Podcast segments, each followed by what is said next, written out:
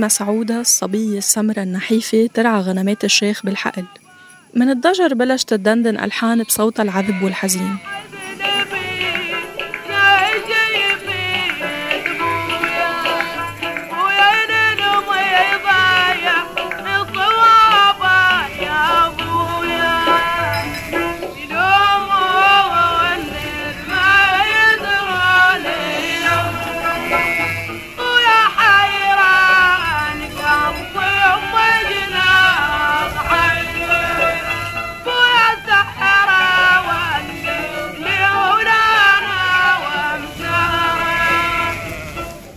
وقفت مسعودة بنص الحقل. ما في غير هي والغنمات. كملت تغني وكل شوي بيعلى صوتها أكتر وأكتر. من وراها بيطلع لها شبان. بيمشوا شوي شوي لجهتها. مسعودة بتتنبه وبتوقف تغني وبتستنفر. الشبان ببلشوا يضايقوها ويتحرشوا فيها لكن مسعودة ما سكتت وقومتهم وربطتهم هن الاثنين بنفس الحبل وأخذتهم لعند شيخ المنطقة مربطين. هونيك يعني عند الشيخ اعترف الشبان بغلطهم لكن حجتهم كانت إنه صوتها الحلو هو اللي أغراهم. أهل المنطقة سمعوا الخبرية فهللوا وضربوا المثل بشجاعة مسعودة. وبهيداك اليوم سنة 1916 اختفت مسعودة الصبية السمرة النحيفة وخلقت شخصية جديدة لابسة العقال والشماغ. هالشخصية إلها اسم جديد مسعود العمارتلي.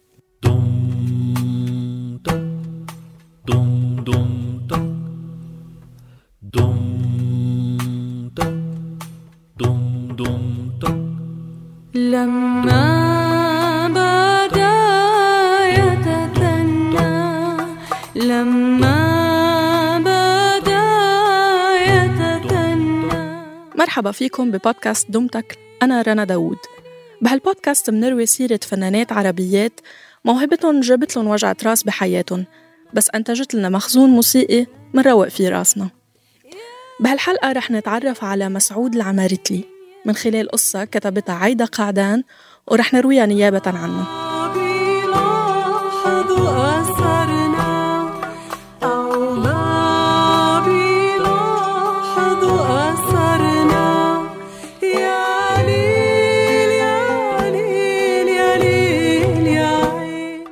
الأحداث المذكورة بهالحلقة هي من المعلومات المتاحة من جميع المصادر. إذا برأيكم غفلنا عن أي تفصيل خبرونا من خلال تعليقاتكم على مواقع التواصل.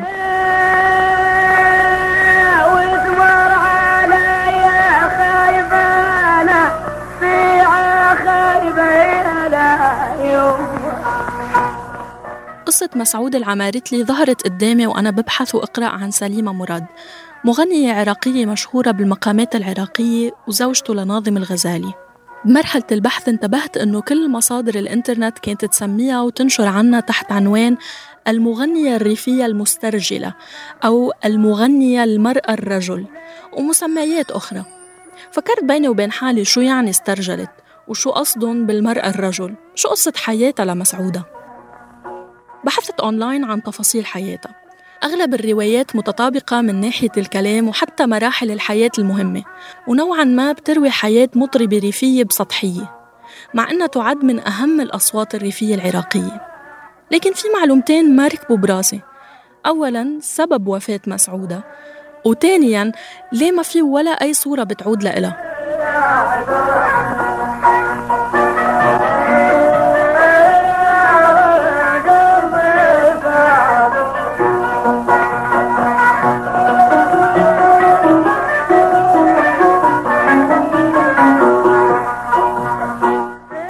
مصادر بتقول إنه مسعودة مواليد عام 1898 وفي غيرها بتقول إنها مواليد 1901 لكن الأكيد إنها مواليد منطقة ميسان بمحافظة الكحلاء جنوب العراق. مسعودة انولدت بعيلة فقيرة من سمر العراق. اشتغلوا خدم عند شيخ المنطقة. على الأغلب بسبب لون بشرتهم. في رواية متداولة بيحكوا إنه مسعودة هي البنت الأخيرة ببيت ما في أولاد أو صبيان فوالدها قرر يكذب على نفسه وعن الناس ويقول عنا ولد اسمه مسعود. كبرت مسعودة تلعب مع أولاد المنطقة من الخدم وتشارك بسباقات الخيل. توفى والدها وهي صغيرة ولكن هوية الولد مسعود ضلت مرافقتها بحياتها اليومية. كبرت مسعودة هي وعم ترعى غنمات الشيخ وتغني الأغاني الريفية بأوقات الملل. الله الله يا مسعود. ما شوفي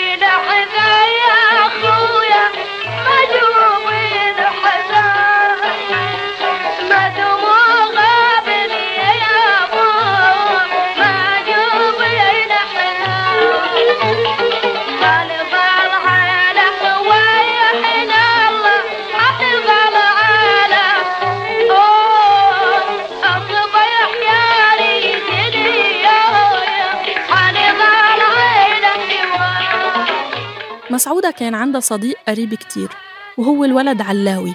لكن المشكلة إنه علاوي ابن الشيخ يعني حر. ومسعودة كانت خادمة. مسعودة وعلاوي كبروا سوا. فخافت أمه الشيخة من صداقتهم وخافت على تعليم ابنها يضيع بسبب زياراته لمجالس الطرب مع مسعودة فقررت تزويج مسعودة لواحد من الخدم لتبعدها عن ابنها وتخلص منها ومن صوتها ومن همها. هربت مسعودة لما سمعت الخبر. مش عشان ما تتزوج بس كمان لأنه الناس أساءت تقدير جنسها وهويتها الجندرية. لما هربت من المنطقة فقدت مسعودة صديق الطفولة فغنت له أغنية يا سكينة.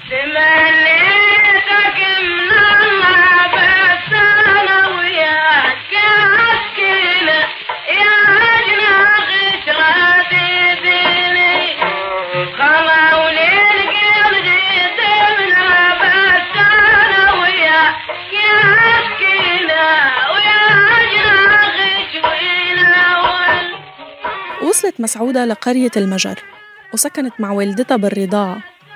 القصة بتقول إنه ملامحها أبداً ما بتدل على إذا هي بنت أو ولد أو صبي يعني.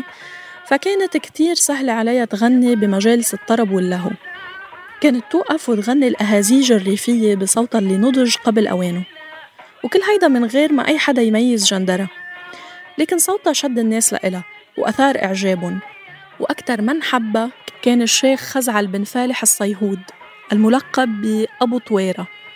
وقرر من حبه لصوتها أنه يحطها تحت حمايته مع العلم أنه كان يعرف إنها بنت لأنها تحت حمايته قرروا يرجعوا على العمارة بلد مسعود اللي هربت منه. عاشت مسعودة أحلى أيامها فكانت تلبس لبس فضفاض وتروح على مضايف الشيوخ وتغني لساعات الصبح. وفي يوم وصل أمر نفي أبو طويرة من والده الشيخ. يقال إنه انتشر صيته إنه بيحتفل لساعات الليل المتأخرة وإنه متزوج من راقصة. هالحكي ما عجب والده الشيخ فنفاه لمنطقة الحوازة ورجعت مسعودة وحيدة ومع قصة فقدان جديدة. من بعدها كتبت بيوت ولحنت الشعر وغنت لأبو طويرة.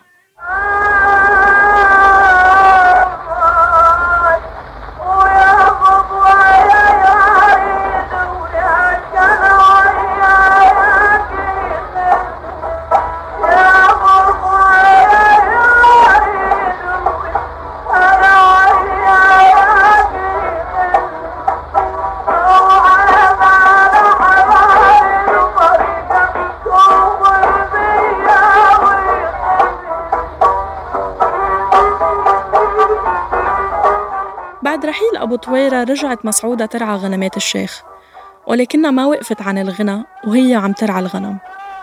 وبسنة 1916 تعرضوا لها تحرشوا فيها فقاومتهم وربطتهم بحبال وجرتهم لشيخ المنطقة وهنيك شهدوا لشجاعتها وصوتها الجميل. وطبعا مسعودة ما استنت كتير. وبجيل 18 رسميا تحولت من مسعودة لمسعود العمارتلي.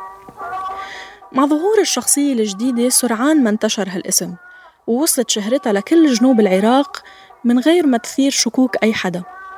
عاشت مسعود الشخصية الجديدة بالعقال والشماغ والدشداشة وشاركت بالحفلات والمناسبات وغنت الأغاني التراثية العراقية بصوت بتملأ البحة. صوتها يقال كان الأقرب على الناس لأنها ببساطة كانت بتمثل تطلعات الفقراء والبسطاء.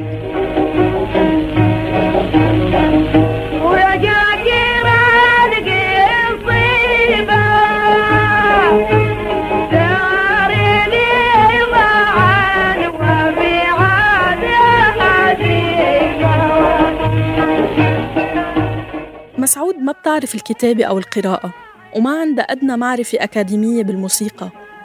كانت تدندن الألحان وتغني الأشعار بارتجال مطلق فاحتلت قلوب الناس. كملت مسعود تغني بالمناسبات والأفراح ومجالس الطرب حتى سنة 1925 لأنه بهي السنة دخل على حياتها عيسى بن حويلة العمارتلي وهو ملحن وموسيقي كبير عشق الطرب الريفي والأهازيج فقرر ينشره بشكل أوسع. طريقته كانت إنه يشتغل وكيل لأكبر شركات التسجيل بالعراق ورجع على الريف ليبحث عن مطرب ياخده معه على بغداد لمدة شهر. فأول ما نختار كانت مسعود أو مسعودة كيف ما بتحبوا.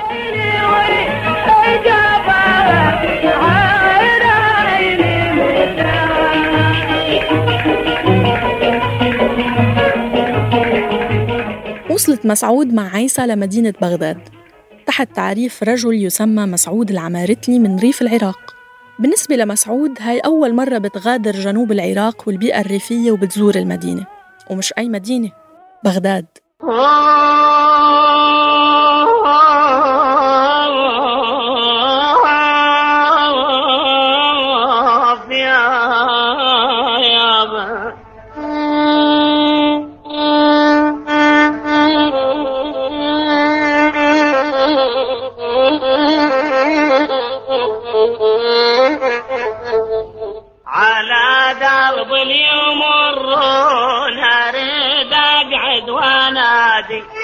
متى احبابي يعودون ما تقل لي يا حادي والله ما تقل لي يا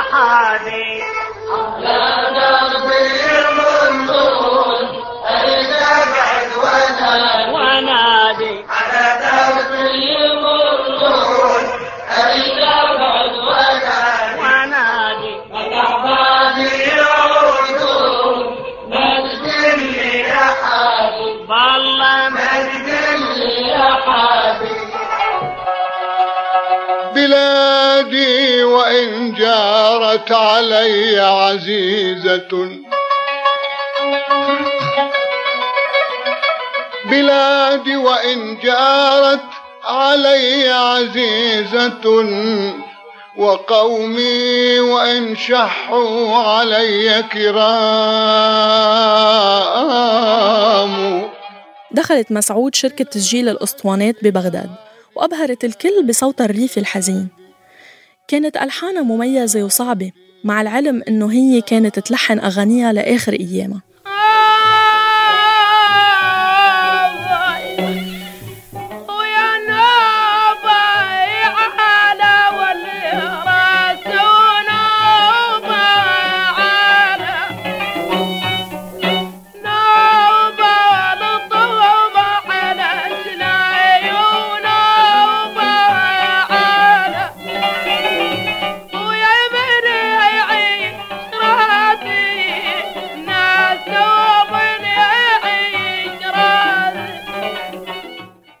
إجراءات شركات التسجيل كان تصوير المطرب بالاستوديوهات وتوثيق حضوره أو حضورها وهي كانت فرصة مثلى لتوثيق وجه مسعود. لكن ما في غير صورة واحدة دارجة على الإنترنت وما كانت باستوديو. بالبداية أنا كمان اقتنعت إنها صورتها. لكن شكيت لما قرأت إنها ماتت وهي عمرها 47 سنة. وبهالصورة حسيت مبينة شوي أكبر. حبيت أعرف شو قصة هالصورة. بمقابلة له على صحيفة صوت العراق بيقول شيخ الموثقين العمارتليين الأستاذ جبار الجويبراوي إنه سنة 1978 كان عم يحضر لملف موسع عن مسيرة الفنانة مسعود العمارتلي لمجلة الفنون. لما قدم الملف لمسؤول قسم الموسيقى سأله وين صورة مسعود؟ فجاوب الأستاذ جبار ما في صورة لمسعود. فأمروا رئيس القسم إنه يخلق له صورة. بعد رحلة بحث طويلة بيرويها الأستاذ جبار قدر يوصل لعديل مسعود العمارتلي الفنان كريري السلمان وطلب منه يوصف له مسعود. فقال له سمرة كتير سمرة. ووجهها ضعيف وبأنفها جرح سببوا انشقاق بتلبس عقال وتحته قطعة قماش بيضة. هاي هي ببساطة المواصفات الموجودة عن مسعود. بيقول أستاذ جبار إنه حسدته كانت كبيرة على عدم وجود صورة لشخصية بهالأهمية وبهالصوت العظيم. ليه ما يكون لشكلها تجسيد؟ أنف وعيون ووجه يعطوا شكل للصوت حسرته حفزته إنه يحل المشكلة. فأصر الأستاذ جبار إنه يخلق الصورة تمثل مسعود العمارتلي. صورة مفترضة طبعا. الخطوة الأولى لهالصورة كانوا يلاقوا صورة لمطرب اسمه جلوب دهش رافق مسعود ببغداد. الخطوة الثانية كانت أنه يلاقوا شخص بيطابق المواصفات اللي ذكرها الفنان كراري. بحثوا بحثوا لحد ما لقوا امرأة سمرة كتير وفيها شبه كبير من مسعود. وفعلا صوروا هالست وركبوا وجهها مع جسم المطرب قلوب دهش. الخطوة الثالثة بحسب الأستاذ جبار أنه كان يحفر على صورة الامرأة بالإبرة والموس جرح على الأنف. أخذ معه كتير وقت ودقة وصبر. ولما انتهى صوروا الصورة وحمضوها وقت أكتر حتى يبين عليها إنها قديمة. وهيك شيعت الصورة المفترضة لأول مرة سنة 1980 وانخلق وجه افتراضي لمسعود العمرتلي يعني فوتوشوب يدوي. عيني على اسمر عين ولاد غرب رسالاين ولاد غرب رسالاين مسعود سجلت أسطوانات عديدة وزادت شهرتها وغنت مع مطربين ريفيين تانيين مثل حضيري أبو عزيز اللي أصبح من أعز أصدقائها ببغداد.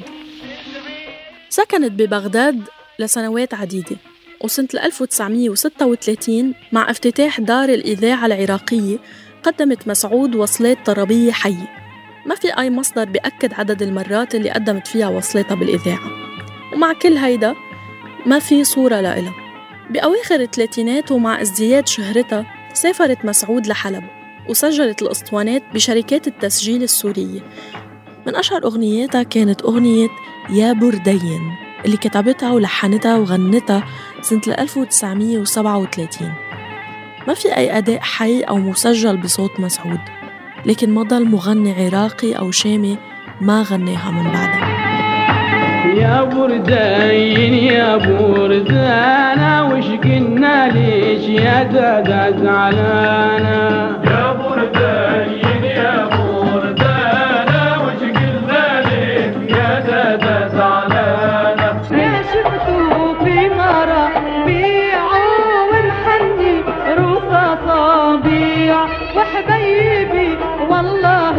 بيعوا لاعطوني كنوزك يا سليمانة يا برداير يا بردانة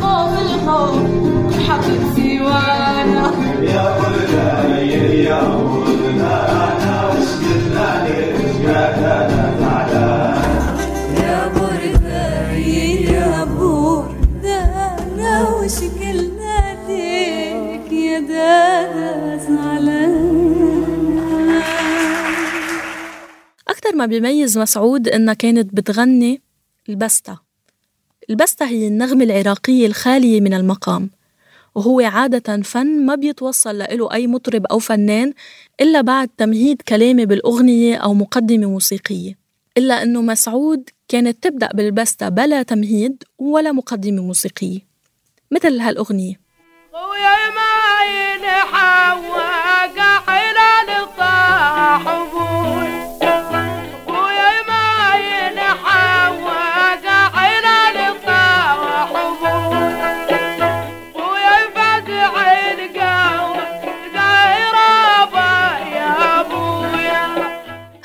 نموذج من غناء المناجاة والحنين والبستات كانت تفسح المجال للإبداع. وهيدا بيثبت إنه مسعود كانت تصوغ اللحن بخيالها من دون تنبيه سماعي أو إيقاعي. مسيرتها الفنية امتدت من العراق للشام وحتى لبنان. سجلت مجموعة من أغنياتها بكل وحدة من هالأماكن ناهيك عن ليالي الطرب اللي قضتها بمضايف الشيوخ. لكن الغريب إنه مجموع أغنياتها كلها المسجلة والمتاحة ما بيزيد عن ساعة ونص.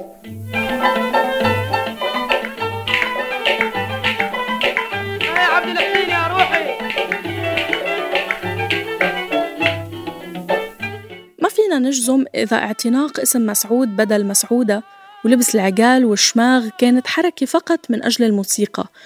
ولا إذا فعلا مسعود قررت تحتضن هويتها الجندرية. لكن في الحالتين مسعود بمسيرتها الفنية بتجسد ثورة وجرأة كبيرة بتستدعي الاحترام. بأغانيها المشهورة بالبستة واللحن الحزين والارتجالي سطرت مسعود أهم مراحل الطرب العراقي. لكن شو كان المضمون بالأغلب؟ مسعود غنت لهموم المرأة بهيداك الوقت. غنت للريف، للحب العذري، للفقدان وغنت ضد ظلم الرجال للنساء. بوحدة من أغاني مسعودة بيظهر إنه كرامة البنت أعز من لقمة العيش. ولو رجل إقطاع ضايقها بعد ما رفضته عليها تمسك عصاها ملواي وتتصداله.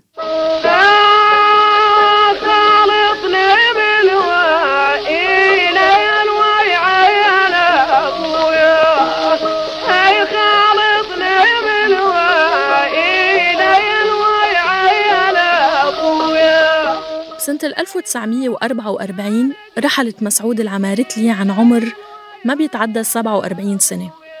القصة الشائعة بتقول إنه مسعود تزوجت مرتين. المرة الأولى من خادمة اسمها إشنينة. ما في كتير تفاصيل حول الزواج أو طبعه أو كيف انتهى. لكن يقال إنه مسعود تزوجتها لتحميها من بطش الأغنياء ومش من أجل الزواج. وبما إنه مسعود رجل بأعين الناس فكان عندها الصلاحية إنها تحميها. لكن زواجها المزعوم الثاني هو اللي شكل نهايتها بحسب الرواية الدارجة. ما في تفاصيل حول الزواج وكيف تم ووين وأيمتى لكن منعرف إنه اسم الزوجة كاملة وإنه هالزواج سبب لمسعود متاعب كبيرة ومشاكل كبيرة ووجعة رأس. وانتهى بمقتل مسعود واتهام كاملة بدس السم بأكلها. الروايات حسب أسباب وفاة مسعود متضاربة. منها اللي بتقول إنه كاملة قتلت مسعود بعد ما اكتشفت إنها امرأة ومش رجل؟ وفي روايات بتقول إنها قتلتها بدافع الغيرة وغيرها بيقول إنه مسعود توفت وحيدة بمرض السل. ما حدا بيعرف شو صار عن جد. لكن بعد كل البحث والأغاني اللي سمعتها والقصص اللي قرأتها وحكينا لكم إياها بهالبودكاست في أقول إنه مسعود قررت تدير حياة جريئة باسم الغناء والموسيقى وإنها سطرت أهم الأغنيات بمخزون الموسيقى العراقية وبتستاهل تضل تنذكر.